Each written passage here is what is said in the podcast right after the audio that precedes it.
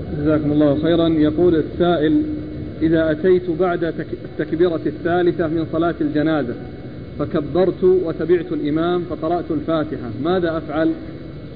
إذا كان الإمام يطول في الدعاء هل أصلي على النبي صلى الله عليه وسلم وأدعو للميت بدون تكبير؟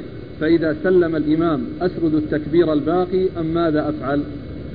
الرسول صلى الله عليه وسلم يقول ما أدركتم فصلوا وما فاتكم فأتموا.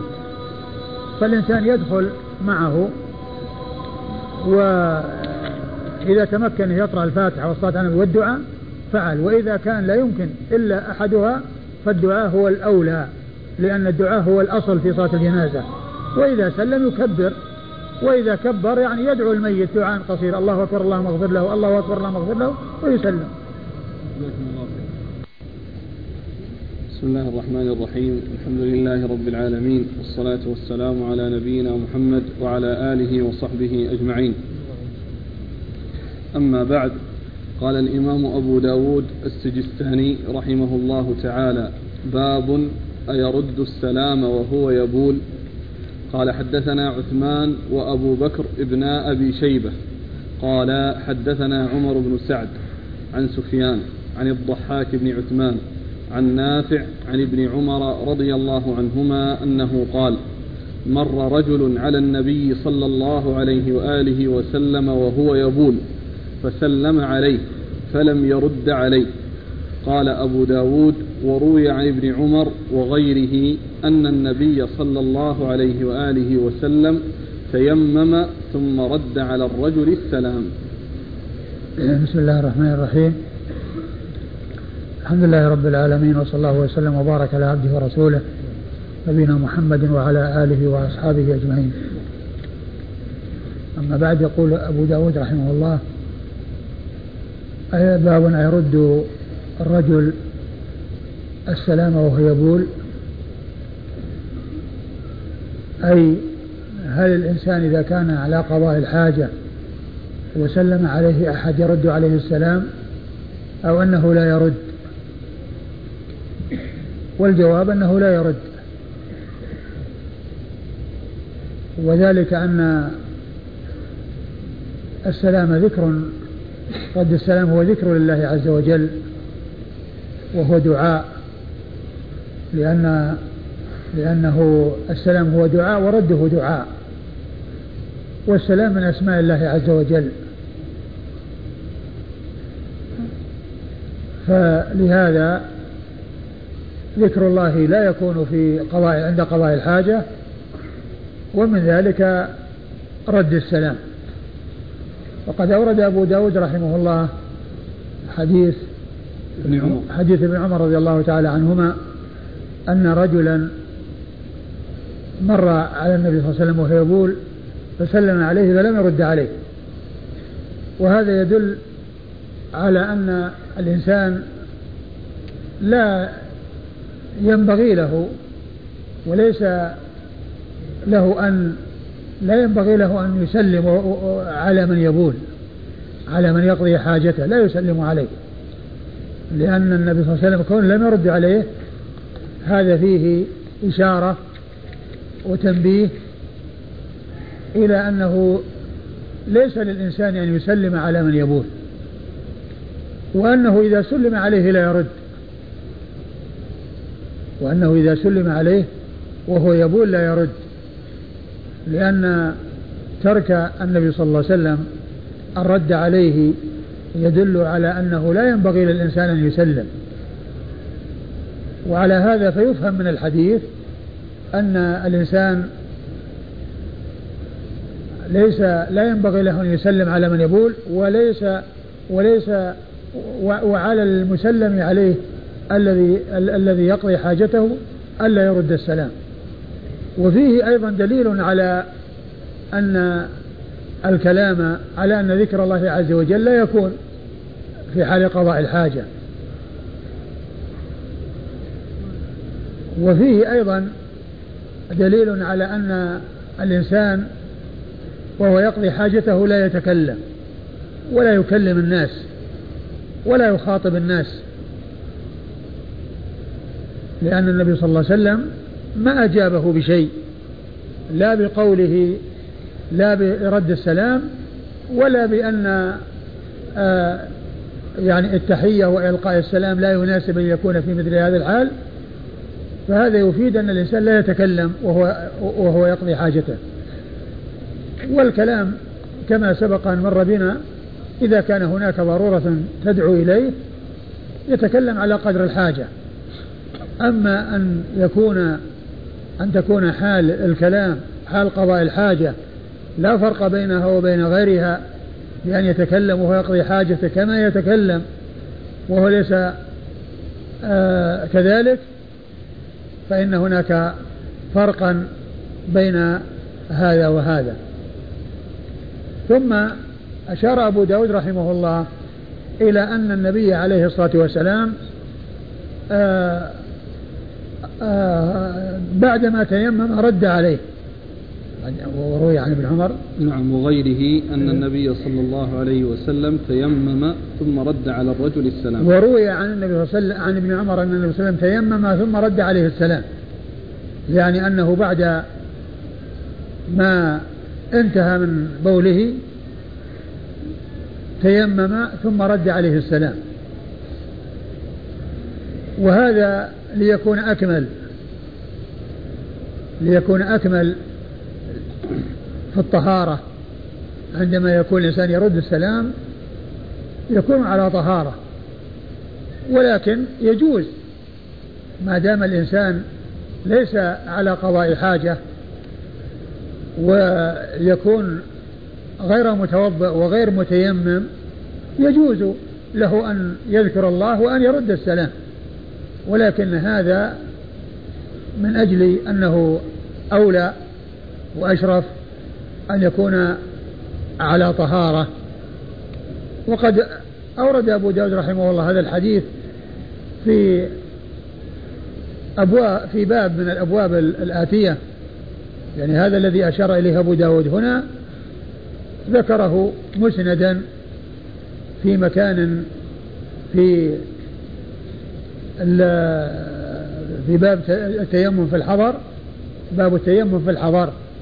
والمقصود من هذا هو أن يكون أكمل وأفضل وإلا فإن ذكر الله عز وجل والإنسان محدث وليس على وضوء سائغ وجائز وسيأتي الحديث الذي يدل على ذلك وهو أن النبي صلى الله عليه وسلم يذكر الله على كل أحيانه. كان صلى الله عليه وسلم يذكر الله على كل أحيانه. يعني سواء كان متوضأ أو غير متوضأ. سواء كان على وضوء أو ليس على وضوء. ولكن الذي حصل في هذا هو الإشارة إلى ما هو أكمل وإلى ما هو أفضل. والذي سيأتي يدل على أن ذلك سائغ وجائز. ولا تنافي بين هذا الحديث والحديث الذي سيأتي الدال على أنه صلى الله عليه وسلم يذكر الله على كل أحيانه. نعم. قال حدثنا عثمان وأبو بكر ابن أبي شيبة. عثمان وأبو بكر ابن أبي شيبة. آه، أبو شيبة هو آه، محمد بن إبراهيم. ويكن بأبي شيبة.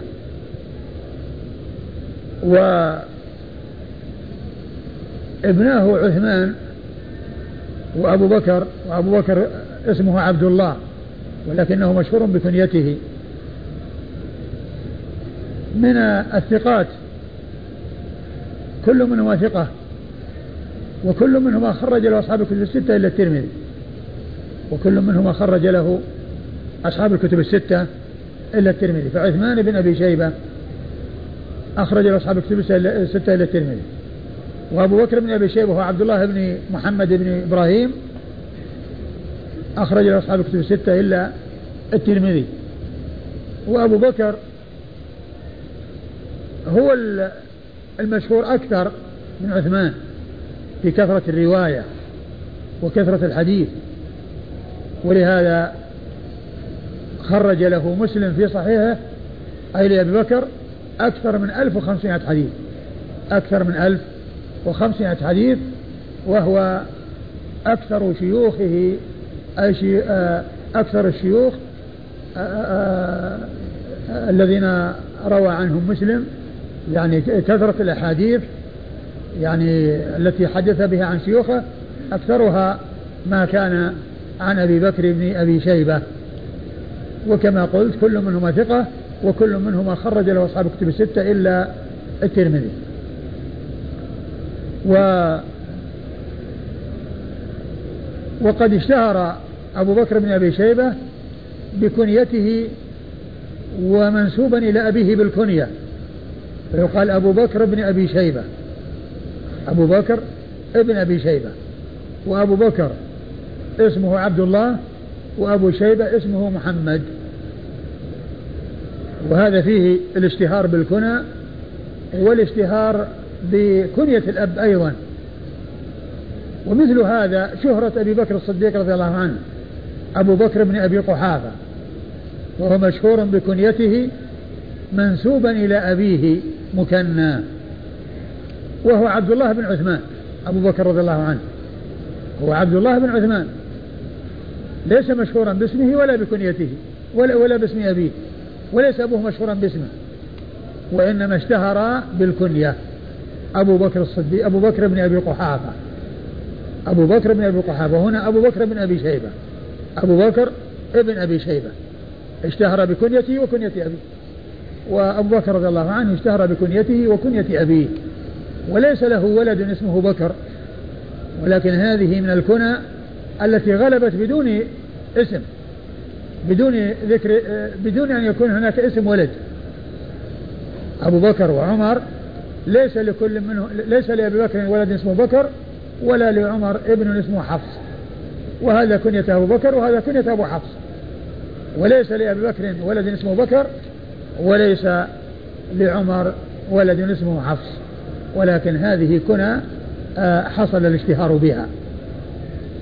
ولعلها حصلت يعني في زمن مبكر وقبل أن يعني يولد للإنسان فاستمر عليها وعلى ذكرها. آه عثمان وأبو بكر ابن أبي شيبة. أيوة. عن عمر بن سعد. عن عمر بن سعد وهو أبو داود الحفري. والحفر محلة من الكوفة وهو ثقة أخرج له مسلم وأصحاب السنة الأربعة. عن سفيان. عن سفيان وهو الثوري. سفيان ابن سعيد ابن مسروق الثوري ثقة فقيه وصف بأنه أمير المؤمنين في الحديث وحديثه أخرجه أصحاب الكتب الستة وهنا غير منسوب وهو سفيان الثوري لأن أبو داود الحفري هو من أهل الكوفة والحفر محلة في الكوفة وكذلك وهو مشهور وهو يروي عن سفيان الثوري وكذلك الضحاك ابن عثمان الذي بعده يروي أيضا عنه سفيان الثوري. وحديث سفيان الثوري أخرجه أصحاب كتب الستة. وكما قلت هو من الذين وصفوا بهذا اللقب الرفيع الذي هو من أعلى صيغ التعديل أمير المؤمنين في الحديث. وهو مشهور بالفقه ومشهور بالحديث. رحمة الله عليه. نعم. الضحاك بن عثمان. عن الضحاك بن عثمان الأسدي وهو ثقة. صدوق يهم. وهو صدوق يهم. نعم. صدوق يهم أخرج له. مسلم وأصحاب السنة. أخرج له مسلم. وهو صدوق يهم أخرج له مسلم وأصحاب السنة. عن نافع. عن نافع مولى بن عمر. وهو ثقة.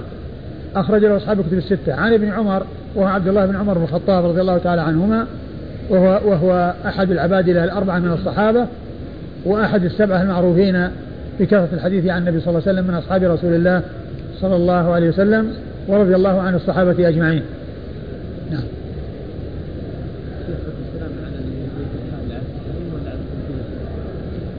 الذي يبدو على التحريم. لأن كون الإنسان فقر حاجته لا لا يذكر الله. نعم. لتنزيه تنزيه ذكر الله عز وجل عن أن يكون في حال يعني مكروهة أو حال يعني آه، فيها قدر وفيها يعني آه، خروج شيء مستقدر نعم. قال حدثنا محمد بن المثنى قال حدثنا عبد الأعلى قال حدثنا سعيد عن قتادة عن الحسن عن حضين بن المنذر أبي ساسان. عن المهاجر بن قنفذ رضي الله عنه أنه أتى النبي صلى الله عليه وآله وسلم وهو يبول فسلم عليه فلم يرد عليه حتى توضأ ثم اعتذر إليه فقال إني كرهت أن أذكر الله عز وجل إلا على طهر أو قال على طهارة. ثم أورد أبو داود رحمه الله حديث المهاجر بن قنفذ رضي الله عنه. أنه مر على النبي صلى الله عليه وسلم وهو يبول فسلم عليه فلم يرد عليه السلام حتى توضأ ورد عليه السلام. ثم اعتذر النبي صلى الله عليه وسلم إليه وقال إني كرهت أن أرد السلام إلا على طهر. فهو كونه يبول هذه حالة أو حالة البول هذه حالة ليست محلا لذكر الله عز وجل. ولكن بعد البول وبعد كون الإنسان بين, بين كونه قضى حاجته وقبل أن يتوضأ هذه حالة لا مانع من فيها من ذكر اسم الله عز وجل. ولا مانع من قراءة من قراءة القرآن. والإنسان من حفظه. والإنسان يعني على غير وضوء. والقرآن هو خير الذكر ومن أفضل الذكر. ولكن كون النبي صلى الله عليه وسلم ما رأى ما رد عليه السلام إلا بعد أن توضأ وأشار إلى يعني أنه آه كره أن يرد إلا وهو على طهارة يعني إشارة إلى ما هو الأكمل. وأن وفي هذا إشارة إلى أن الإنسان يكون على طهارة. ويحرص على أن يكون على طهارة حتى يكون أكمل في ذكره لله عز وجل وفي قراءته للقرآن. وإن كان كونه يذكر الله عز وجل وهو بعدما ينتهي من بوله وقبل أن يتوضأ أن ذلك سائغ وجائز إلا أن هذا فيه إشارة إلى الأكمل وإشارة إلى الأفضل. وفي حسن خلقه صلى الله عليه وسلم في اعتذاره للمهاجر بن قنفذ وبيانه له وحتى يكون في ذلك آآ آه، آآ آه، بيان وفي ليكون في ذلك بيان لهذا الحكم الشرعي ولتطيب آه، خاطره ونفسه من كونه سلم ولم يرد عليه. وفيه تنبيه أيضا كما أسلفت على أن الإنسان لا ينبغي له أن يسلم على من يقضي حاجته. نعم. قال حدثنا محمد بن المثنى. محمد المثنى هو أبو موسى العنزي الملقب الزمن وهو البصري وهو ثقة. أخرج له أصحاب الكتب الستة بل هو شيخ لأصحاب الكتب الستة. كل منهم روى عنه مباشرة بدون واسطة. وسبق أن ذكرت في درس مضى أن ثلاثة من شيوخ البخاري أو من صغار شيوخ البخاري هم من رجال الكتب الستة وماتوا في سنة واحدة وهم محمد المثنى هذا ومحمد بن بشار بن دار الذي مر في درس مضى ويعقوب بن إبراهيم الدورقي. فهؤلاء ثلاثة شيوخ لأصحاب الكتب الستة وقد ماتوا في سنة واحدة قبل وفاة البخاري بأربع سنوات وهي سنة اثنتين وخمسين ومائتين. سنة اثنتين وخمسين ومائتين. وذكر عن محمد المثنى أنه مثل محمد بن بشار في أمور كثيرة. قالوا اتفق هو إياه في سنة الولادة وسنة الوفاة وكونهم من أهل البصرة. وكونهم متفقين في كثير من الشيوخ والتلاميذ ولهذا قال الحافظ ابن حجر في ترجمته يعني في ترجمة محمد المثنى وكان هو بن دار كفرسي ريهان كفرسي ريهان يعني متماثلين يعني ما يعني أحد يسبق الثاني يعني آه تماثلهما. فرسي الرهان يعني يكون في بينهم تماثل. و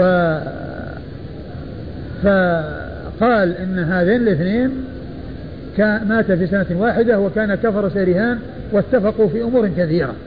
واتفقا في أمور كثيرة. وحديثه كما قلت أخرج أصحاب الكتب الستة بل هو شيخ لأصحاب الكتب الستة الذي هو محمد المثنى أيوه. عن عبد الأعلى. عن عبد الأعلى بن عبد الأعلى البصري وهو ثقة أخرجه أصحاب الكتب الستة. عن سعيد. عن سعيد وهو بن أبي عروبة. سعيد وهو بن أبي عروبة. وإذا جاء سعيد يروي عن أبي ابن أبي عروبة فالمقصود به سعيد. سعيد, آه، سعيد بن أبي عروبة. فالمقصود بسعيد بن أبي عروبة. يروي عن من؟ يروي عن قتادة. مع قتادة الآن نعم. نعم. وحديثه أخرجه أصحاب الكتب الستة. ثقة أخرجه أصحاب الكتب الستة. عن عن قتادة. عن قتادة بن دعامة السدوسي. قتادة بن دعامة السدوسي البصري وهو ثقة أخرجه أصحاب الكتب الستة. عن الحسن. عن الحسن ابن أبي الحسن البصري وهو ثقة أخرجه أصحاب الكتب الستة. عن حضين بن المنذر أبي ساسان. عن حضين ابن المنذر أبي ساسان وهو ثقة أخرج له مسلم وأبو داود والنسائي بن ماجه. وهو ثقة أخرج له مسلم وأبو داود والنسائي وابن ماجه. عن المهاجر بن قنفذ. عن المهاجر بن قنفذ رضي الله عنه وهو صحابي أخرج حديثه أبو داود والترمذي والنسائي. أبو داود والنسائي وابن ماجه. أبو داود والنسائي وابن ماجه. أحسن الله إليك. في هذا الحديث أنه توضأ. وفي الحديث المشار إليه ما روي عن ابن عمر وغيره أنه تيمم. فهل هما حادثتان؟ الذي يبدو الذي يبدو أنه أنهما قصتان. الذي يبدو أنهما قصتان. هذه فيها وضوء وهذه فيها تيمم. قال رحمه الله تعالى باب في الرجل يذكر الله تعالى على غير طهر.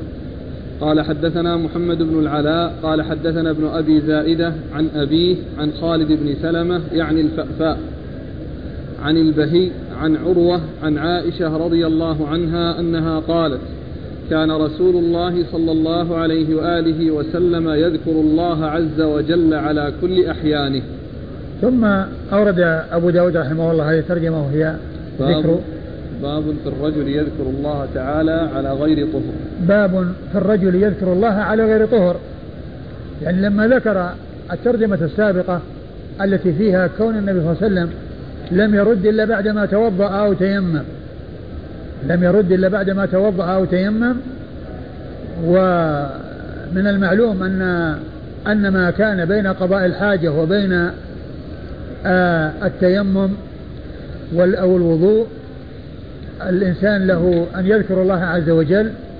والنبي صلى الله عليه وسلم ما حصل منه رد السلام إلا بعد الوضوء أو التيمم. وأن هذا فيه إشارة إلى الأكمل.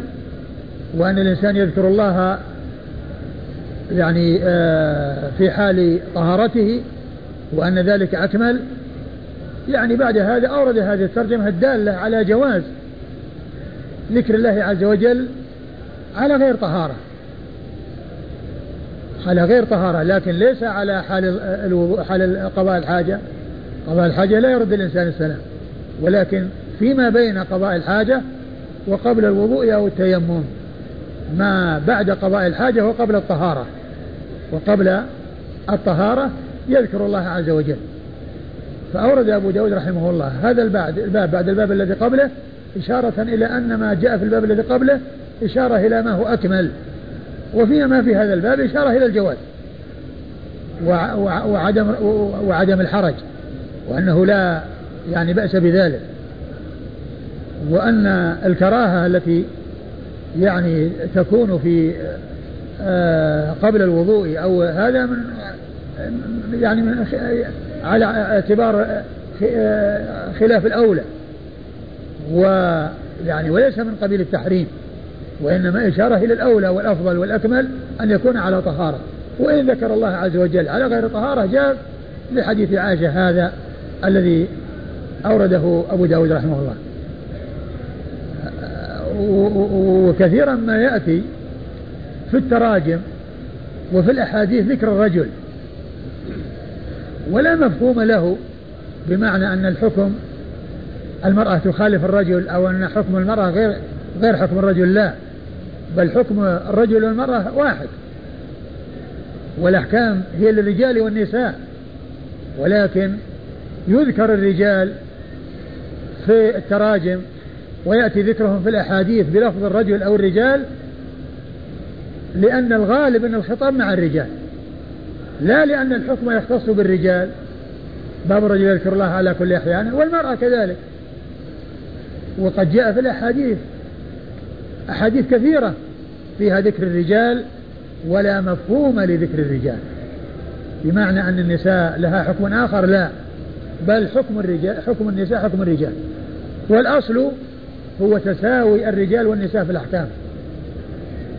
إلا ما جاء يخص الرجال دون النساء وما جاء يخص النساء دون الرجال.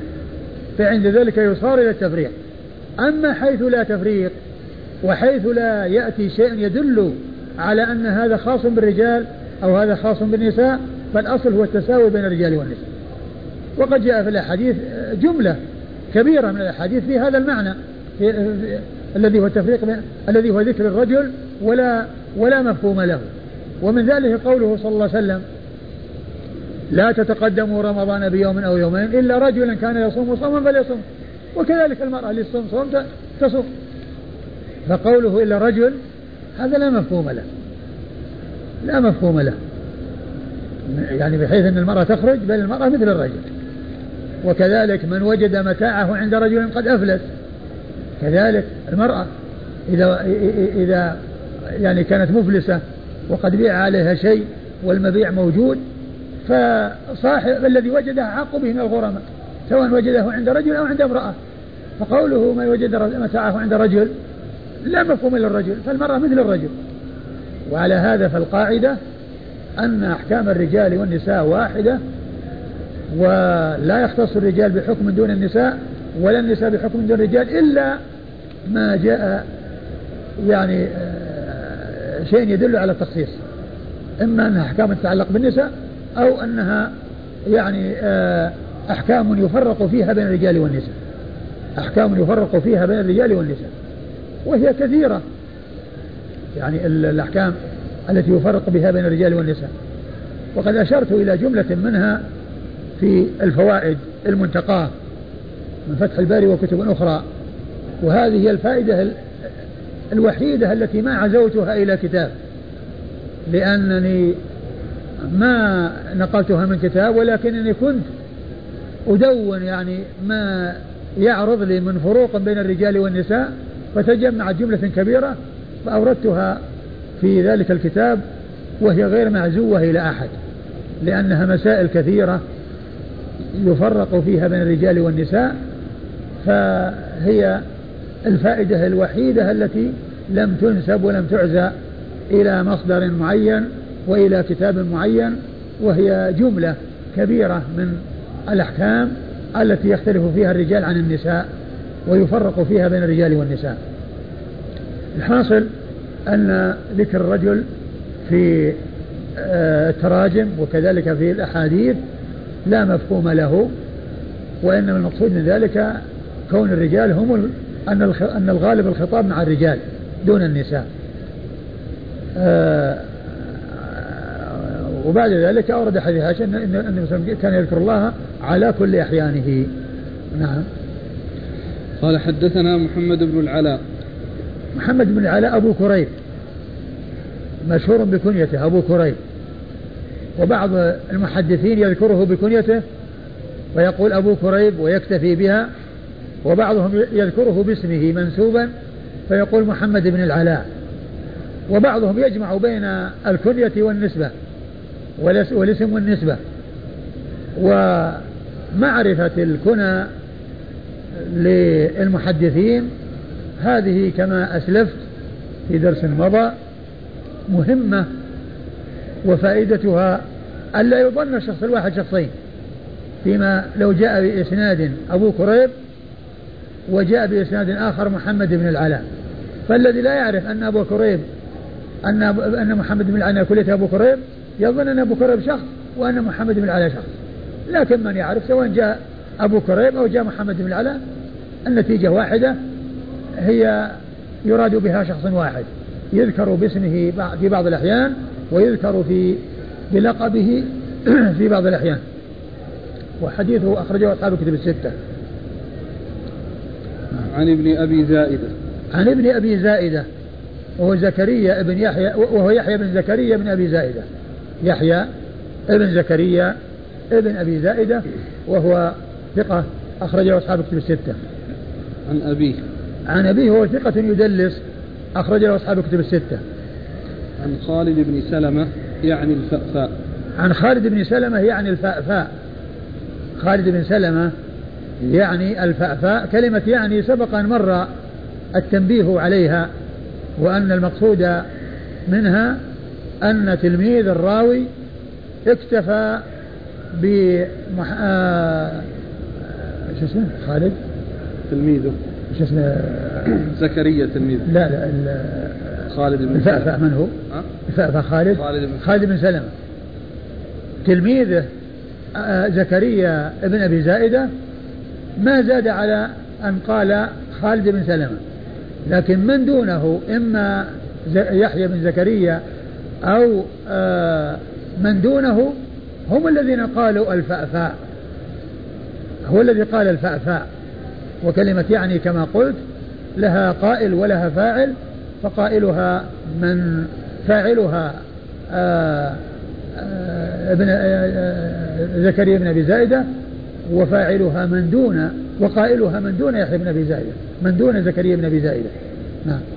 وهو صدوق أخرج له البخاري في الأدب المفرد ومسلم وأصحاب السنة. وهو صدوق أخرج حديثه البخاري في الأدب المفرد ومسلم وأصحاب السنة الأربعة. عن البهي. عن البهي عن البهي وهو لقب واسم صاحب اللقب عبد الله بن يسار. عبد الله ابن يسار وهو صدوق يخطئ. أخرج له البخاري في الأدب المفرد ومسلم وأصحاب السنن. وهو صدوق يخطئ أخرج له البخاري في الأدب المفرد ومسلم وأصحاب السنن كالذي قبله كتلميذه. أيوه. عن عروة. عن عروة بن الزبير ابن العوام وهو ثقة فقيه من فقهاء المدينة السبعة في عصر التابعين الذين مر ذكرهم يعني فيما مضى. فعروة بن الزبير بن العوام هو واحد منهم وهو ثقة أخرجه أصحاب كتب الستة. عن عائشة, عن عائشة أم المؤمنين رضي الله تعالى عنها وأرضاها الصديقة بنت الصديق وهي واحدة من سبعة أشخاص عرفوا بكثرة الحديث عن النبي صلى الله عليه وسلم ستة رجال وامرأة واحدة وقد مر ذكرهم قريبا. قال رحمه الله تعالى باب الخاتم يكون فيه ذكر الله تعالى يدخل به الخلاء. أو يدخل؟ كله ممكن. يدخل أو يدخل. قال حدثنا نصر بن علي عن أبي علي الحنفي عن همام عن ابن جريج عن الزهري عن أنس رضي الله عنه أنه قال كان النبي صلى الله عليه وآله وسلم إذا دخل الخلاء وضع خاتمه. قال أبو داود هذا حديث منكر وإنما يعرف عن ابن جريج عن زياد بن سعد عن الزهري عن أنس أن النبي صلى الله عليه وآله وسلم اتخذ خاتما من ورق ثم ألقاه والوهم فيه من همام ولم يروه إلا همام. ثم ورد أبو داود رحمه الله الخاتم باب الخاتم. نعم يكون فيه ذكر الله تعالى يدخل به الخلاء. باب الخاتم يكون فيه ذكر الله يدخل فيه الخلاء أو يدخل فيه الخلاء. هذه الترجمة المقصود منها أن ما كان فيه ذكر الله عز وجل هل يدخل فيه الخلاء أو لا يدخل فيه أو لا يدخل فيه بالخلاء في محل الخلاء أو محل قضاء الحاجة؟ و ال ال ال وهذا يعني يقال فيه أن الأولى والذي ينبغي إذا تيسر ألا يدخل في الخلاء بشيء فيه ذكر الله. ولكنه إذا حصل أمر يقتضي ذلك و فإنه لا بأس بذلك. لا بأس بذلك. لكن حيث أمكن أن لا يدخل بشيء فيه ذكر الله هذا هو الذي ينبغي. ولكن إن حصل للحاجة دعت إلى ذلك فإنه لا بأس بإدخاله مع الإنسان. ورسول الله صلى الله عليه وسلم. خاتم مكتوب فيه محمد رسول الله. محمد رسول الله. محمد سطر ورسول سطر والله سطر. وهذا هو المقصود أن فيه ذكر الله ولذا قال فيه ذكر الله. لأنه مكتوب فيه محمد رسول الله صلى الله عليه وسلم. ومن أجل ذلك ذكر الترجمة فيه ذكر الله. ثم ورد حديث حديث أنس رضي الله عنه أن النبي صلى الله عليه وسلم كان يعني إذا دخل الخلاء وضع خاتمه يعني معناه أنه لا يدخل به في الخلاء وإنما يدخل بدون الخاتم. يدخل بدون الخاتم فإذا خرج أخذه ولبسه وذلك أن فيه ذكر الله عز وجل. آه، آه، أورد آه، أبو داود رحمه الله حديث أنس بن مالك رضي الله عنه في هذا وأنه كان يعني يضع خاتمه ثم بعد ذلك قال أبو داود إنه حديث منكر وبين أن المعروف أنه عن ابن جريج عن خالد بن زياد زياد بن سعد. عن زياد بن سعد عن الزهري عن الزهري نعم عن أنس. عن الزهري عن أنس أنه اتخذ خاتما من ورق فألقاه. والخلاف أو الفرق إنما هو في وضع الخاتم عند دخول الخلاء. فقد جاء في حديث آه، الطريقة الأولى التي هي همام عن ابن جريج وقال أن أبو داود أن, حديث أن الحديث منكر والوهم فيه من همام والمخالفة فيه من همام لكن هماما هو ليس من الضعفاء والمشهور في تعريف المنكر رواية الضعيف مخالفا الثقة وهمام ليس بضعيف ولكنه من الثقات. خرج له أصحاب الكتب الستة. أخرج له أصحاب الكتب الستة و وهو يهم ربما وهم. ثقة ربما وهم. قالوا ولعل المقصود بذلك التوسع في معنى المنكر وهو ما فيه المخالفة. من الثقة لمن هو أوثق منه ومن الضعيف للثقة. وعلى هذا فيكون يعني آآ آه، آآ آه، المقصود به يعني أنه بمعنى الشاذ. وأن المقصود به الشاذ لأن مخالفة الثقة للثقات يسمى شاذا ولا يسمى منكرا. لكن بعض أهل العلم يعني يتوسع في ذكر المنكر على ما فيه المخالفة. قالوا وهذا يتفق مع هذا الذي فيه توسع وهو أن وهو ما فيه المخالفة لأنه ليس هناك ضعيف خالف ثقة وإنما فيه ثقة خالف من هو أوثق منه. ثقة خالف من هو أوثق منه. ولهذا يعني الكلام الذي آه، آه، بعض أهل العلم يعني آه، قال بأن أبا, أبا داود نوزع في بيان أنه يعني منكر وأنه وأنه ليس فيه إلا تدريس ابن جريج وهو مدلس. قال فإن صرح بالسماع فإنه يصحح وإلا فإن العلة فيه ليست من همام وإنما هي من تدليس ابن جريج. والحكم كما ذكرت هو أنه آآ حيث أمكن ألا يدخل الخلاء بشيء فيه ذكر الله عز وجل. هذا هو الذي ينبغي. وإذا كان احتيج إلى ذلك أو دعا الأمر إلى ذلك بأن بأن بأن خيف أن يعني يسرق يعني ذلك الشيء الذي فيه ذكر الله عز وجل لو وضعه في الخارج فإنه يدخل به ولا بأس بذلك. وقد عمت البلوى في أن الناس لا بد أن يكون في جيوبهم شيء فيه ذكر الله عز وجل من الأوراق النقدية وغير النقدية فدخولها أو الدخول فيها يعني مما تدعو إليه الحاجة ولا يمكن التحرز منه. نعم.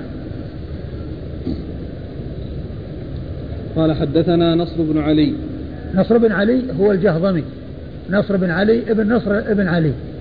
يعني وافقت وافق اسمه واسم أبيه اسم جده وجد أبيه. نصر بن علي ابن نصر بن علي الجهضمي. وهو ثقة أخرج له أصحاب الكتب الستة. عن أبي علي الحنفي. عن أبي علي الحنفي واسمه عبيد الله بن عبد المجيد مشهور بكنيته ونسبته. أبو علي الحنفي وهو صدوق يهم. لا صدوق قرآن ها؟ وهو صدوق أخرج له. أصحاب الكتب. وهو صدوق أخرجه أصحاب الكتب الستة. عن همام. عن همام بن يحيى وهو ثقة ربما وهم أخرجه أصحاب الكتب الستة. عن ابن جريج. عن ابن جريج وهو عبد الملك ابن عبد العزيز ابن جريج المكي ثقة يرسل ويدلس وحديثه أخرجه أصحاب الكتب الستة. عن الزهري. عن الزهري ومحمد بن مسلم بن عبيد الله بن شهاب الزهري ثقة فقيه أخرجه أصحاب الكتب الستة. عن أنس. عن أنس بن مالك رضي الله عنه صاحب رسول الله صلى الله عليه وسلم وأحد السبعة المعروفين بكثرة الحديث عن النبي صلى الله عليه وسلم وأنس بن مالك من صغار الصحابة والزهري من صغار التابعين.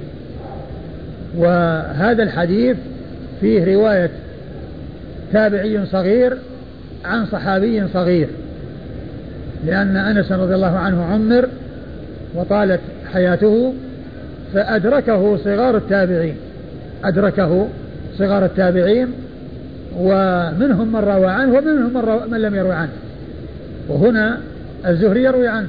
وقد سبق أن مر بنا قريبا أن الأعمش لم لا, لا يروي عنه وأن الحديث مرسل لأن فيه لأن فيه رواية الأعمش عن الزهري.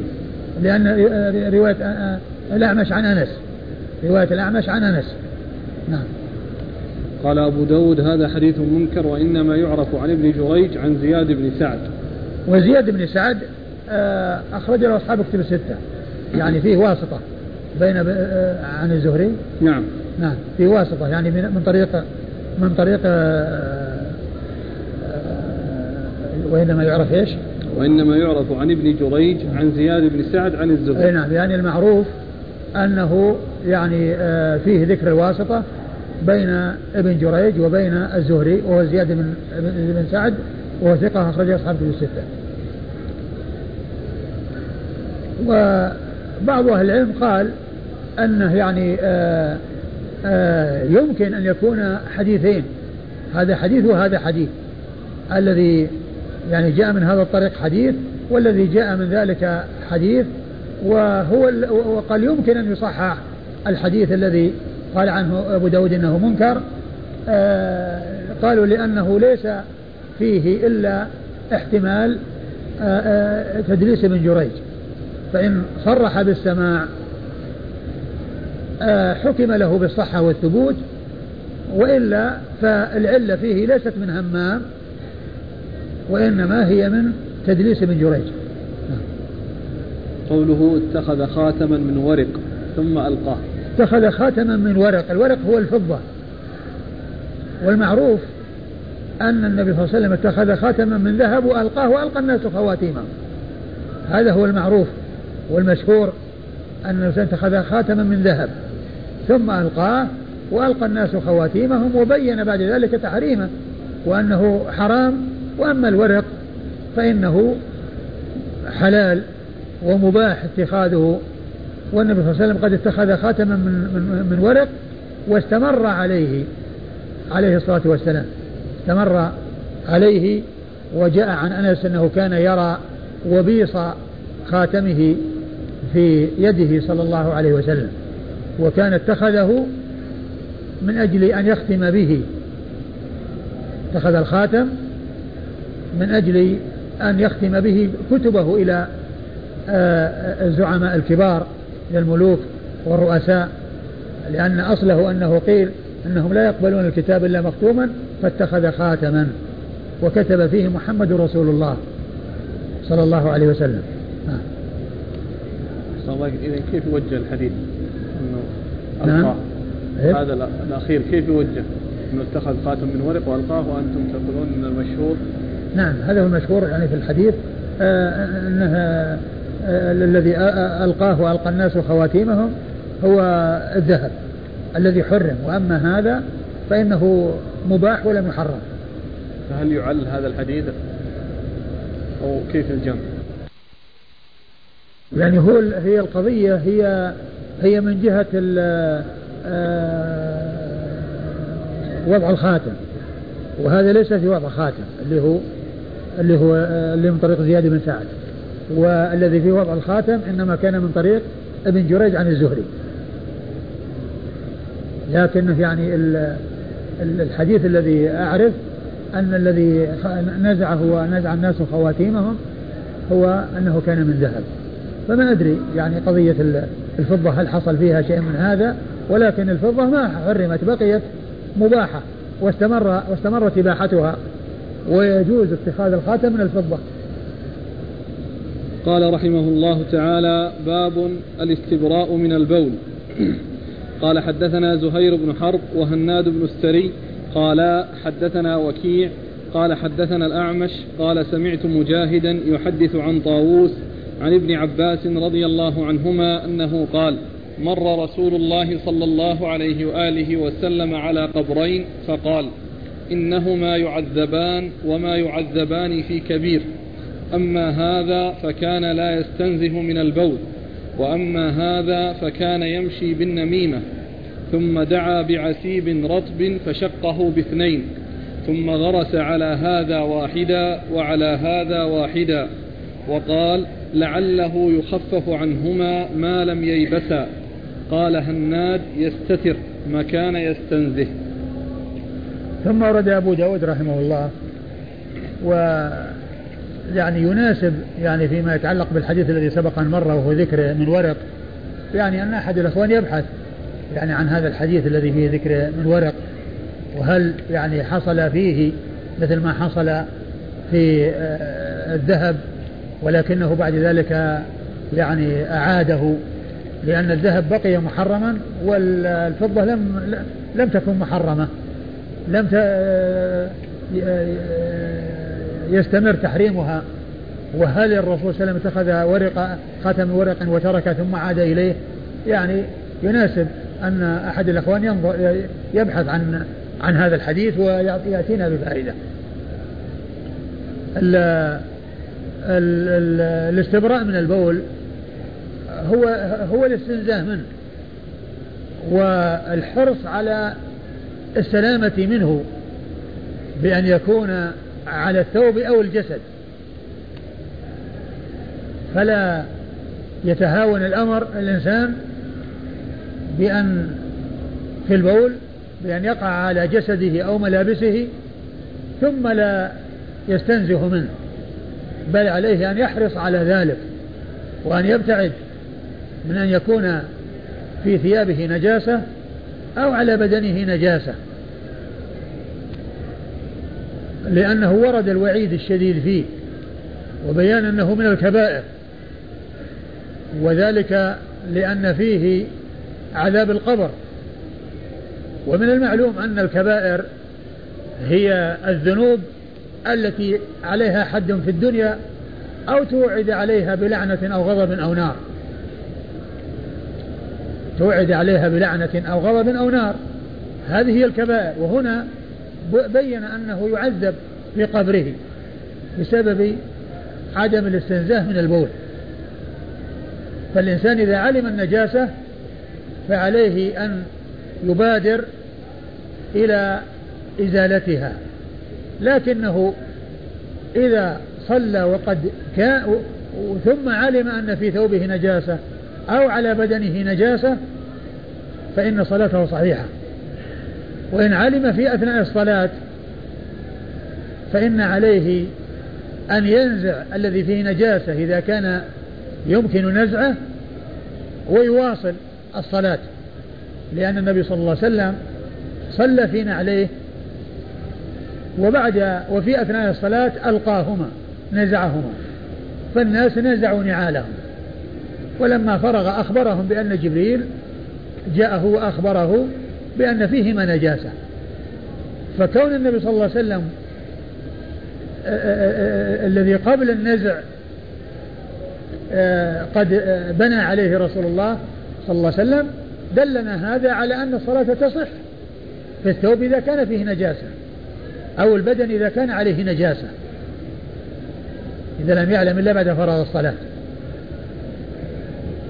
وسواء كان قد نسي النجاسة جهلها ولا يدري عنها ولا عرفها إلا بعد أو كان يعلمها من قبل ولكنه نسيها فإن الصلاة تصح. وهذا بخلاف الوضوء الإنسان إذا صلى بدون وضوء عليه أن يعيد الصلاة عليه أن يعيد الصلاة. وإذا صلى وفي ثوبه نجاسة أو عليه نجاسة ولم يعلم بها بعد فرض الصلاة فإن صلاته صحيحة. بدليل حديث نزع الرسول صلى الله عليه وسلم عليه وهو في الصلاة وقد اعتبر ما مضى من صلاته قبل النزع. فلو كان ذلك غير سائق وغير صحيح لا استأنف النبي صلى الله عليه وسلم الصلاة من أولها. استأنف الصلاة من أولها. ثم أورد أبو داود رحمه الله حديث ابن عباس. نعم. حديث ابن عباس رضي الله عنه أن النبي صلى الله عليه وسلم مر بقبرين فقال إنهما لا يعذبان وما يعذبان في كبير. إنهما لا يعذبان. إنهما يعذبان وما يعذبان في كبير. إنهما يعذبان وما يعذبان في كبير. يعني آه، الله تعالى أطلع نبيه على أن هذين أو صاحبي هذين القبرين أنهما يعذبان. وقال إنهما ما يعذبان في كبير. وليس معنى قوله ما يعذبان في كبير يعني آه، آه، تسهيل أو تهوين شأن آه، النميمة وشأن عدم الاستبراء من البول وإنما المقصود أنه شيء سهل عليهما ويسير عليهما ليس عليهما فيه مشقة وليس فيه يعني فيه يعني تعب لهما بل هو هين عليهم. ولكنهما استسهل تهاون في ذلك ووقع في هذا الأمر المحرم. يعني ليس بشاق وليس بشيء كبير عليهما يشق عليهما بل آه هو هين. إذا وفقهم الله عز وجل للتخلص منه والسلامة منه.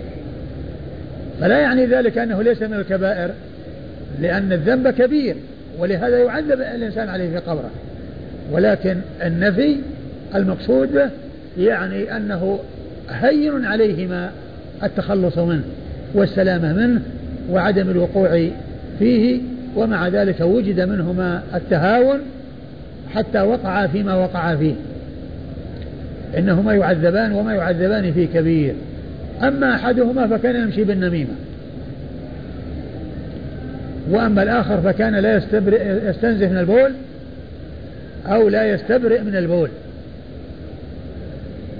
وهذا فيه إثبات عذاب القبر. والأحاديث فيه متواترة بل قد جاء في القرآن إثبات عذاب القبر. كما قال الله عز وجل في آل فرعون النار يعرضون عليها غدوا وعشيا ويوم تقوم الساعة أدخلوا آل فرعون أشد العذاب. النار يعرضون عليها غدوا وعشيا ويوم تقوم الساعة أدخلوا آل فرعون. فقبل قيام الساعة العذاب في القبر وكونهم يعرضون على النار غدوا وعشيا يعني وهم في القبور قبل أن تقوم الساعة. إذا هذا فيه إثبات عذاب القبر من القرآن الكريم. وأما الأحاديث فهي كثيرة جدا. أحاديث كثيرة جدا متواترة عن رسول الله صلى الله عليه وسلم وأن عذاب القبر حق. وأنه يصل إلى من يستحقه فالكفار يعذبون في قبورهم كما جاء في آل فرعون. والعصاة من شاء الله عز وجل أن يعذب عذب. ومن شاء لا يعذب فإنه لا فإن الله تعالى يعفو عنه ويتجاوز. والحديث الذي معنا يفهم منه أنهما مسلمين. لأنه لو كان لو كان أنهما كفار فالعذاب إنما يكون للكفر وليس بعد الكفر ذنب. فالكفر والشرك أعظم الذنوب وأخطر الذنوب ولكن المقصود أنهما عذبا بهذه الكبيرة وبهذا الذنب الكبير الذي هو المشي بالنميمة وعدم الاستبراء من البول. وهذا يدلنا على إثبات عذاب القبر ويدلنا على أن النميمة أو المشي بالنميمة من الكبائر وعلى أن عدم الاستبراء من البول أنه من الكبائر. ثم إن النبي صلى الله عليه وسلم أخذ جريدة رطبة وشقها قطعتين وغرز في كل قبر قطعة وقال لعله يخفف عنهما ما لم ييبسا. لعله يخفف عنهما ما لم ييبسا. وهذا من خصائصه صلى الله عليه وسلم. وليس لأحد أن يفعل كما فعل رسول الله صلى الله عليه وسلم لأن النبي صلى الله عليه وسلم أطلعه الله على هذا الغيب أطلعه الله على حصول العذاب في هذا القبر وعلى سبب العذاب وهو النميمة أو آه عدم الاستبراء من البول. إذا هو من خصائصه صلى الله عليه وسلم لأن الله تعالى أطلع نبيه على الغيب وعلم بالعذاب وعلم بسبب العذاب. وفعل هذا الفعل الذي قال لعله يخفف عنهم. وأما الناس فإنهم لا يعلمون. ولا يحصل لهم مثل ما يحصل للرسول صلى الله عليه وسلم. والنبي صلى الله عليه وسلم يطلعه الله عز وجل من الغيب على ما لم يطلع عليه أمته. وقد جاء عن النبي صلى الله عليه وسلم أنه قال آه لو تعلمون آه لولا أن لا تدافنوا لدعوت الله أن يسمعكم من عذاب القبر ما أسمع. لولا أن لا تدافنوا لدعوت الله أن يسمعكم من عذاب القبر ما أسمع. فالرسول يسمع وأطلعه الله على ما يجري في القبور ويسمع ما يحصل في القبور من من من من, من العذاب والصراع والصياح الذي يكون بسبب ذلك. والبهائم كذلك يعني آه تسمع يعني ما يجري يعني في القبور. والله تعالى أخفى ذلك على المكلفين على بني على الجن والإنس. أخفى عليهم على على المكلفين. حتى يتبين أولياء الله من أعداء الله وحتى يتبين من يؤمن بالغيب ومن لا يؤمن بالغيب. لأنهم لو أطلعوا على ما يجري في الغيب وما يجري في القبور ما بقي هناك تمييز بين من يكون وليا ومن كان غير ولي. والله تعالى شاء أن يكون الناس فريقين. فريق في الجنة وفريق في السعير. فريق يؤمن بالغيب وفريق لا يؤمن إلا بما يشاهده ويعاينه. إلا بما يشاهده ويعاينه. فالبهائم كما جاء في بعض الأحاديث تسمع والرسول صلى الله عليه وسلم يقول والنبي صلى الله عليه وسلم يسمع وقد قال لولا أن لا تدافنوا لدعوت الله أن يسمعكم من عذاب القبر ما أسمع. يعني أنهم لو سمعوا ما يجري في القبور من الصراخ والصياح ما قر لهم قرار ولا يعني هدأوا. بل يمكن أن يصيبهم المرض ويصيبهم التعب حتى يموتوا ولا يتمكن بعضهم من أن يدفن بعضا. والله تعالى أطلع نبيه على ما لم يطلعهم عليه كما جاء في الحديث الصحيح. لولا أن لا تدافنوا لدعوت الله أن يسمعكم من عذاب القبر ما أسمع. إذا هذا من خصائص صلى الله عليه وسلم وليس لأحد أنه يأتي ويغرز شيء أو يضع زهور على المقابر أو ما إلى ذلك من الأشياء التي تفعل في بعض الجهات وفي بعض البلاد فإن هذا من الأمور المنكرة. نعم. قال حدثنا زهير بن حرب. حدثنا زهير بن حرب هو أبو خيثمة وهو ثقة أخرجه أصحاب الكتب الستة إلى الترمذي. وهناد بن السري. وهناد بن السري وهو ثقة أخرجه البخاري في خلق أفعال العباد ومسلم وأصحاب السنة الأربعة.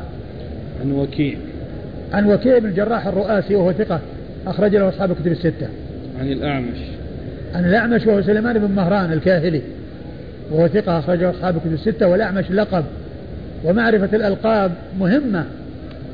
وفائدتها مثل فائدة معرفة الكنى التي أشرت إليها سابقا وهي أن لا يظن الشخص الواحد شخصين فيما إذا ذكر باسمه في موضع وذكر في لقبه في موضع الذي ما يعرف يظن أن هذا غير هذا وهذا غير هذا.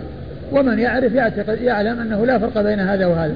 كلها تطلق على شخص واحد. ذكر مرة باسمه ومرة بكنيته. عن مجاهد.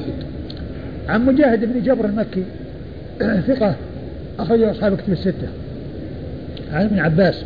عبد الله بن عباس بن عبد المطلب رضي الله تعالى عنهما وهو أحد العباد الأربعة من الصحابة وأحد السبعة الذين مر ذكرهم آه قريبا.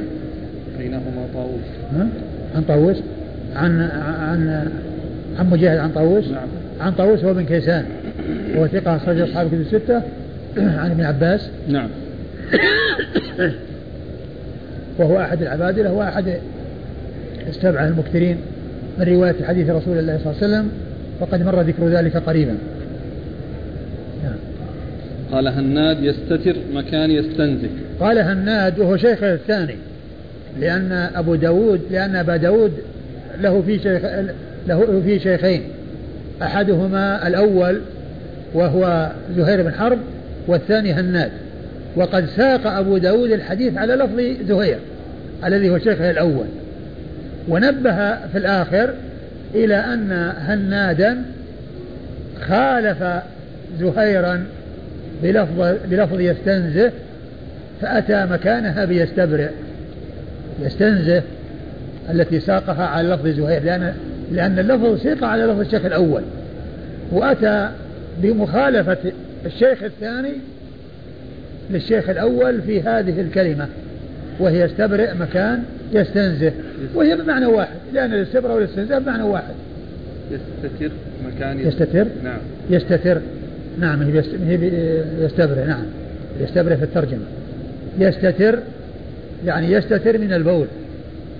يعني آه وطبعا هذا يختلف المعنى الاستتار يعني هذا أيضا فيه آه، لزوم الاستتار وعدم كشف العورة. عند قضاء الحاجة. نعم.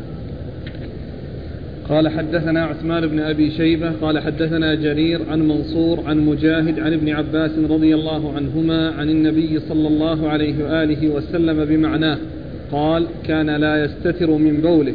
أو قال أبو معاوية يستنزه.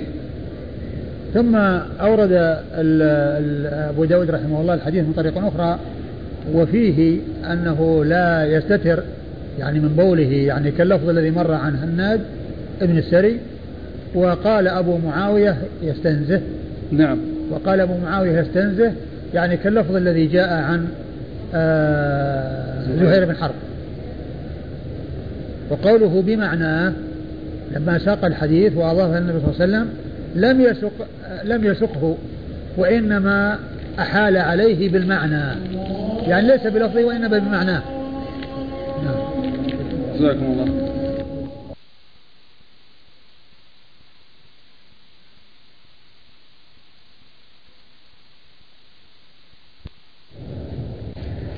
بسم الله الرحمن الرحيم. الحمد لله رب العالمين والصلاة والسلام على نبينا محمد وعلى آله وصحبه أجمعين. أما بعد قال الإمام أبو داود السجستاني رحمه الله تعالى تحت ترجمة الاستبراء من البول.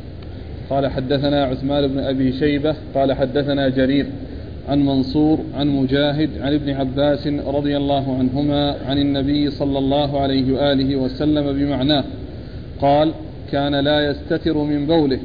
أو قال أبو معاوية يستنزه. بسم الله الرحمن الرحيم. الحمد لله رب العالمين وصلى الله وسلم وبارك على عبده ورسوله نبينا محمد وعلى آله وأصحابه أجمعين. أما بعد فعقد أبو داود السجستاني رحمه الله هذه الترجمة وهي باب الرجل الاستبراء من البول. باب الاستبراء من البول. والمقصود من ذلك التنزه منه والتحرز والتوقي من أن يقع شيء من النجاسة على جسد الإنسان وعلى ثوب الإنسان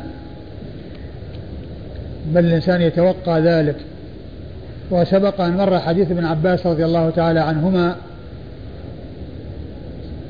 أن النبي عليه الصلاة والسلام مر بقبرين فقال آه، فقال إنهما لا يعذبان. أي صاحبهما وما يعذبان في كبير أما أحدهما فكان يمشي بالنميمة وأما الآخر فكان لا يستبرئ من البول وكان لا يستنزه من البول.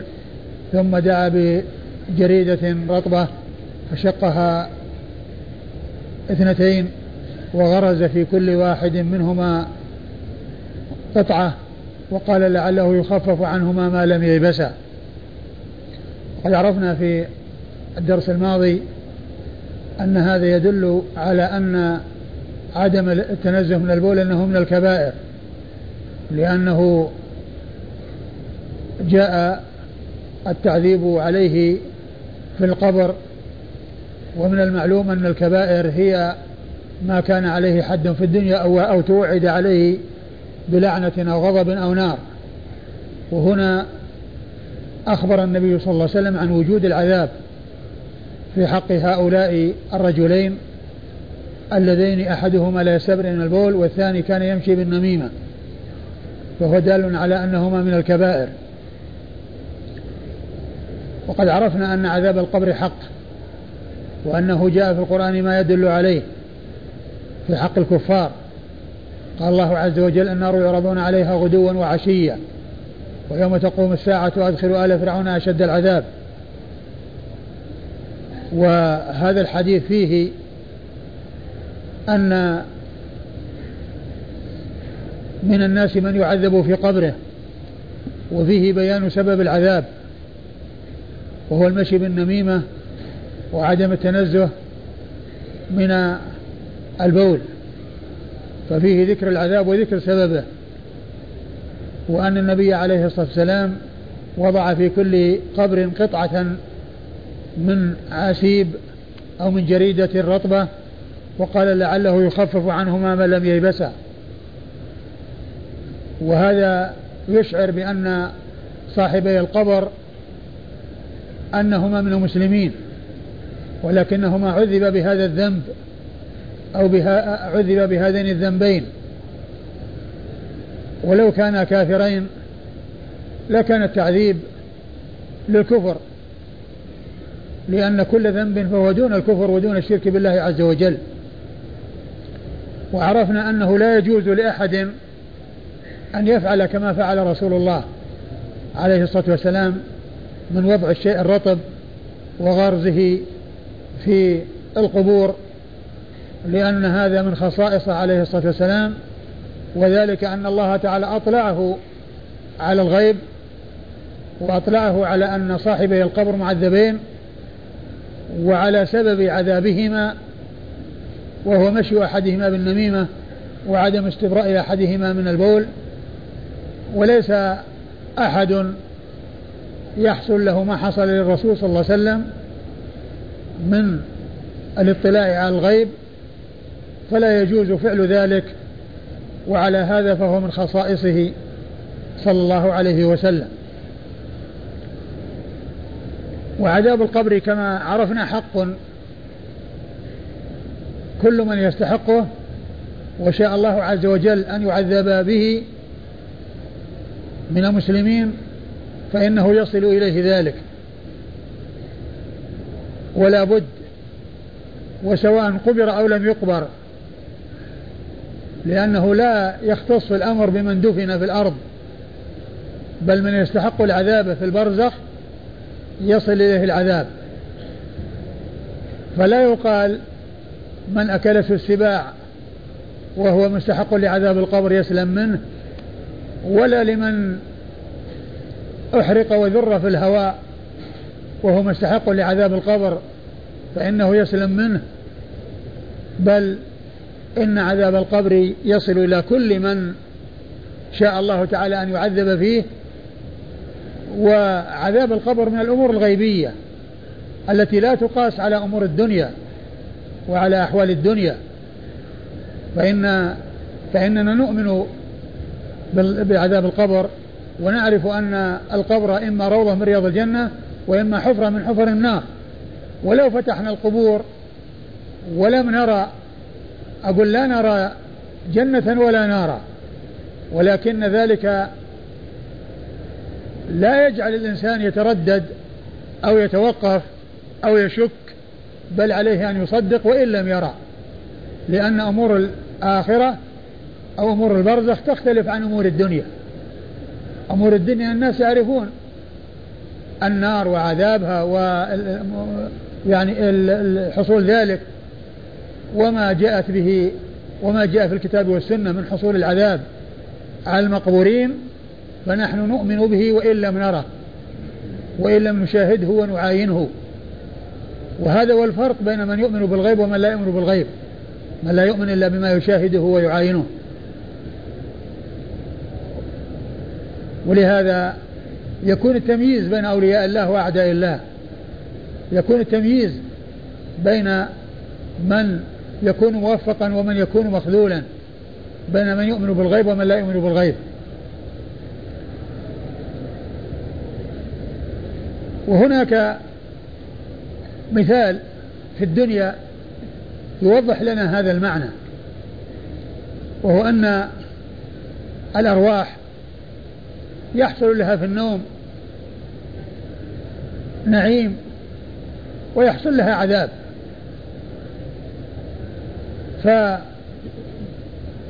فينام الشخصان في مكان واحد. ثم يقومان من نومهما. أحدهما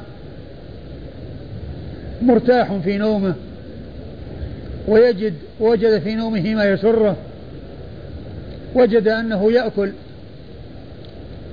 من النعيم ما لذ وطاب ثم يقوم من نومه ولعابه يسيل والآخر معه في نفس الغرفة وفي نفس المكان يرى ويحصل في منامه أن الوحوش تطارده والحيات تلاحقه والعقارب تلسعه ثم يقوم من نومه فزعا خائفا مذعورا وريقه ناشف. فهذان اثنان في مكان واحد وقد حصل لأرواحهما ما حصل من الفرق الشاسع. والبون البعيد. فكذلك ما يجري في القبور يكون الاثنان مقبورين في قبر واحد وأحدهما منعم والثاني معذب. ولا يصل إلى المنعم من عذاب المعذب شيء ولا يصل إلى المعذب من نعيم المنعم شيء. بل هذا له نعيمه وهذا له عذابه والله تعالى على كل شيء قدير.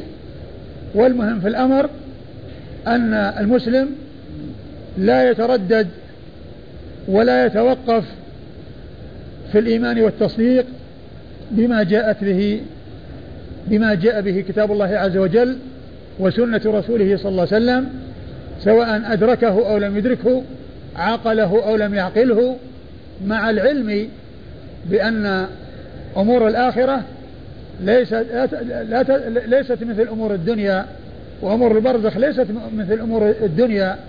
يقيس الإنسان هذا على هذا فإن هناك فرقا ولا يسوى بين أمور الدنيا وأمور الآخرة. فإذا لم يجد الإنسان الشيء الذي لا يناسب ما يعرفه توقف وتردد وشك فيما جاء به الحديث عن رسول الله عليه الصلاة والسلام بل الواجب التصديق والإيمان. ولهذا فإن ما يجري في القبور يعني فيه أصوات وفيه صياح. ولهذا قال النبي صلى الله عليه وسلم لولا أن لا تدافنوا لدعوت الله أن يسمعكم من عذاب القبر ما أسمع. وقد مر بنا الحديث وعرفنا ما يتعلق بإسناده ثم أورد أبو داود رحمه الله إسنادا آخر حتى انتهى إلى رسول الله صلى الله عليه وسلم وقال بمعناه يعني لم يسق متن الحديث الذي جاء بهذا الإسناد ولكنه أحال إلى المتن المتقدم ولكن من حيث المعنى يعني موافق للمتن من حيث المعنى وليس من حيث اللفظ ولهذا قال بمعناه ولهذا قال بمعناه وفرق بين أن يقول بمثله أو بنحوه أو بمعناه لأنه إذا قال بمثله يعني معناه المتن مطابق للمتن لفظا ومعنى. وإذا قال بنحوه يعني قريب منه. وإذا قال بمعناه يعني بمعنى الحديث المتقدم وليس بلفظه. فأشاء فأحال إلى المتن المتقدم وقال إنه بمعناه ولكنه ذكر يعني آه كلمتين أو كلمة جاءت بلفظ على صيغة وجاءت جاءت عن شخص على صيغة وجاءت عن شخص آخر على صيغة أخرى. وهي مثل ما تقدم في الحديث المتقدم ذكر الاستنزاه والاستتار. كان أحدهما لا يستتر كان أحدهما لا يستنزه من البول. والاستنزاه هو عدم التحرز والاستتار فسر أيضا بأنه عدم التحرز وعدم التوقي وأنهما بمعنى واحد. وفسر بأنه بمعنى الاستتار الذي هو آآ آآ كشف العورة والتهاون في ذلك. ولكن المطابق يعني لما جاء في الحديث من ذكر البول أن المقصود من ذلك هو عدم التنزه منه وعدم التحرز منه لأن كشف العورة يمكن أن تكون مع البول ومع قضاء الحاجة ومع غير ذلك. ولكن الشيء الذي يتعلق بالبول والذي يضاف إلى البول هو عدم التوقي منه وعدم التحرز منه إيش قال الإسناد؟ قال حدثنا عثمان بن أبي شيبة عثمان بن أبي شيبة سبق ان مر بنا وهو عثمان بن بن بن, بن محمد ابن إبراهيم العبسي وأبوه مشهور بكنيته أبو شيبة وهو محمد بن إبراهيم وعثمان هذا ثقة أخرج له أصحاب الكتب الستة إلا الترمذي. عن جرير عن جرير بن جرير بن عبد الحميد الضبي الكوفي وهو ثقة أخرج له أصحاب الكتب الستة. عن منصور عن منصور بن المعتمر الكوفي وهو ثقة أخرج له أصحاب الكتب الستة. عن مجاهد عن مجاهد بن جبر المكي وهو ثقة أخرج له أصحاب الكتب الستة. عن ابن عباس وعبد الله بن عباس ابن عبد المطلب ابن عم النبي صلى الله عليه وسلم أحد العبادلة الأربعة من الصحابة وهم عبد الله بن عباس وعبد الله بن الزبير وعبد الله بن عمر وعبد الله بن عمر وهو أيضا أحد السبعة المعروفين بكثرة الحديث عن النبي صلى الله عليه وسلم وقد مر ذكرهم مرارا. نعم. ما فيه ما فيه إشكال لأن مجاهدا يروي عن ابن عباس يروي بواسطة وبغير واسطة. فكل منهما صحيح.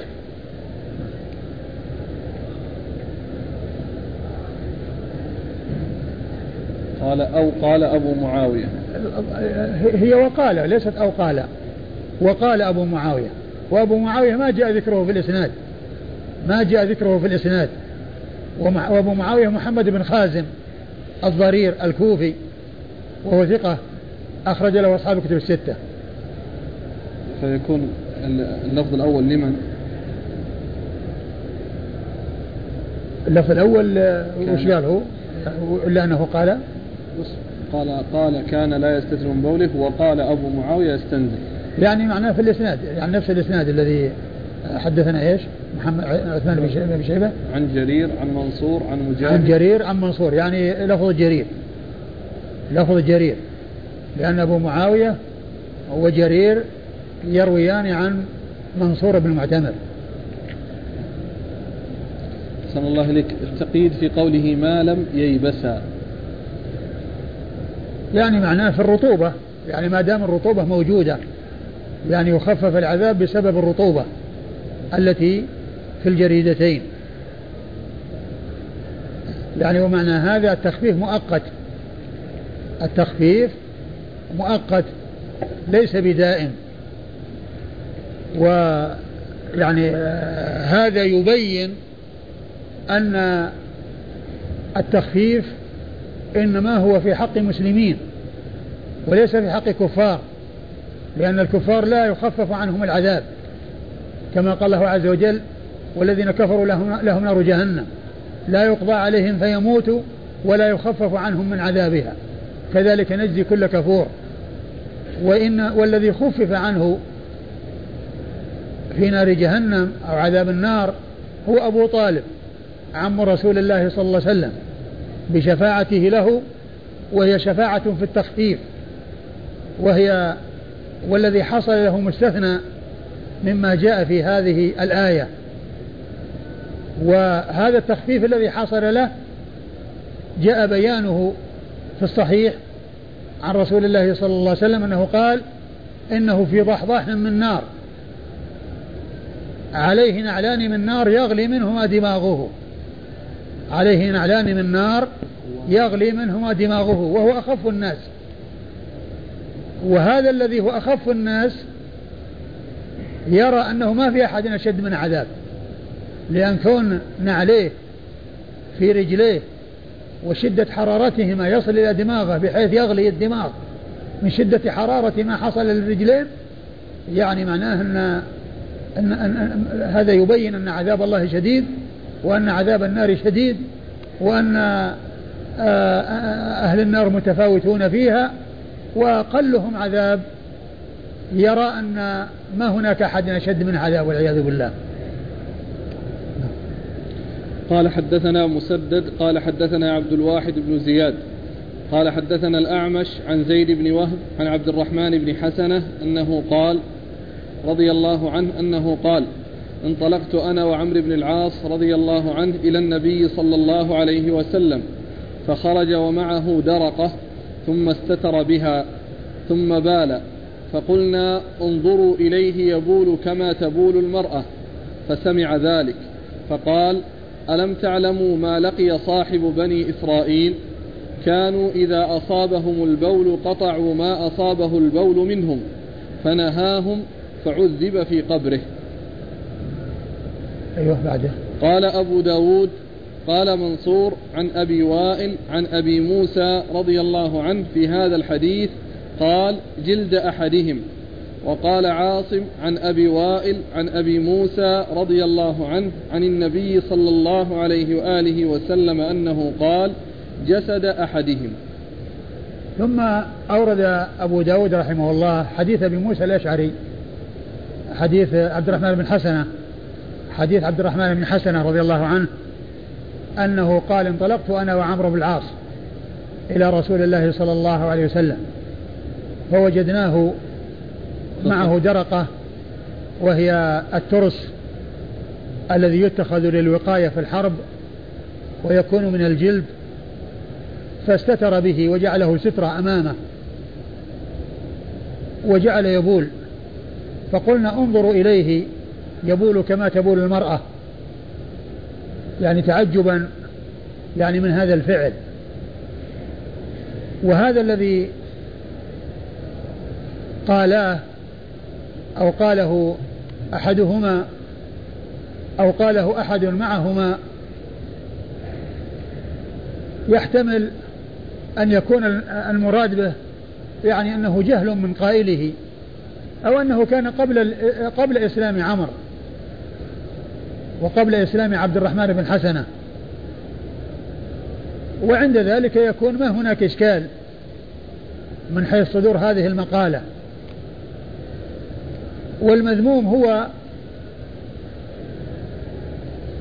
الكلام الذي فيه تشبيه الرسول صلى الله عليه وسلم في عمله وهو يبول بالنساء وهذا أمر منكر لأن الواجب هو أن كل ما يصدر من رسول الله صلى الله عليه وسلم فهو على التمام والكمال وهو أحسن حال وأحسن هيئة. و الرسول عليه الصلاة والسلام لما سمع ذلك قال ألم تعلموا ما قال ما قال صاحب بني إسرائيل؟ ما لقي. ما لقي صاحب بني إسرائيل. يعني بسبب الكلام الذي قاله لهم وأنه عذب في قبره لأنهم كانوا في شرعهم ودينهم أن الواحد منهم إذا أصابته نجاسة فإنه يقطع مكان النجاسة ولا يغسلها. وهذا من من من الأمور الشاقة التي كلف بها بنو إسرائيل وخففها الله عن هذه الأمة فجعل ما تحصل فيه النجاسة يغسل بالماء. وأما أولئك فكانوا يقرضونه بالمقاريض ويقطعونه. إذا أصابت الثوب نجاسة لا يغسلونه ولكنه يقطع ولكنهم يقطعونه. ويرمون القطعة. وهذا يتطلب منهم الاحتراز الشديد حتى لا تف... حتى لا تفسد عليه تفسد عليهم ثيابهم إذ يلزمهم أن يقطعوها إذا أصابها شيء من البول أو شيء من النجاسة. فكانوا يفعلون ذلك اعتمادا على ما في دينهم فنهاهم عن ذلك. هذا الذي هو عبر عنه بصاحب بني إسرائيل. نهاهم أن ينفذوا هذا الشيء الذي فيه مشقة عليهم وقد جاء في في دينهم وشرعهم فعذب في قبره لأنهم نهاهم أن يفعلوا شيئا هو هم مكلفون به ومطلوب منهم. ففي هذا أو قول الرسول صلى الله عليه وسلم في هذا تنبيه إلى أنه إذا كان صاحب بني إسرائيل عذب في قبره بسبب ذلك فإن الذي يحصل منه شيء يتعلق بسنة الرسول صلى الله عليه وسلم فإنه قد يناله ما نال صاحب بني إسرائيل ووجد منه ما قد يكون سببا في تعذيبه في قبره. وفي هذا الحديث بيان أن من أسباب عذاب القبر الأمر بالمنكر والنهي عن المعروف. لأن هذا الذي صاحب بني إسرائيل نهاهم عن شيء هو معروف في دينهم وأمر مشروع في دينهم وأمر واجب عليهم في دينهم فنهاهم أن يطبقوا ما جاء في دينهم. نهاهم أن يطبقوا ما جاء في دينهم ولو كان في ذلك مشقة عليهم. لأن التكاليف لا بد أن تنفذ ولو كانت شاقة على النفوس ولو كان فيها مشقة. لأن النبي صلى الله عليه وسلم قال حفت الجنة بالمكاره وحفت النار بالشهوات. وهذه الأمة خفض الله عليها خفض الله عنها ما هو شديد مما كلفت به الأمم السابقة. ولهذا جاء في حديث الإسراء لما أسري برسول الله عليه الصلاة والسلام وفرضت عليه خمسون صلاة وجاء ومر بموسى اقترح عليه ونصحه بأن يرجع ويطلب من الله التخفيف وقال إن بني, إن بني إسرائيل كلفوا يعني بشيء وما قاموا به.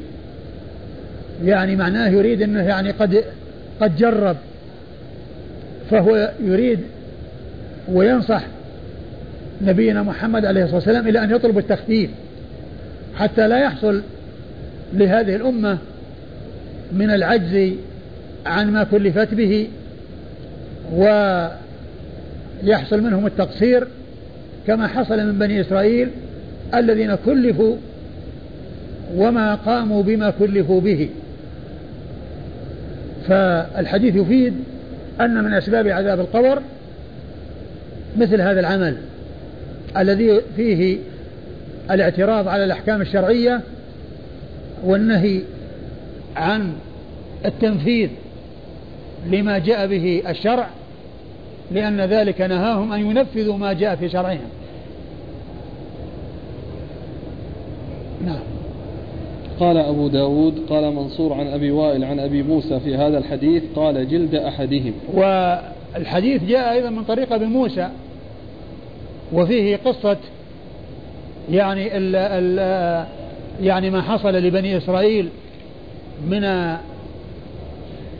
الآثار التي حملوا إياها وما فيه المشقة عليهم. والله تعالى خفف عنا ولم يكلفنا ما كلفوا به. وكان فيما جاء في حديث أبي موسى جلد أحدهم.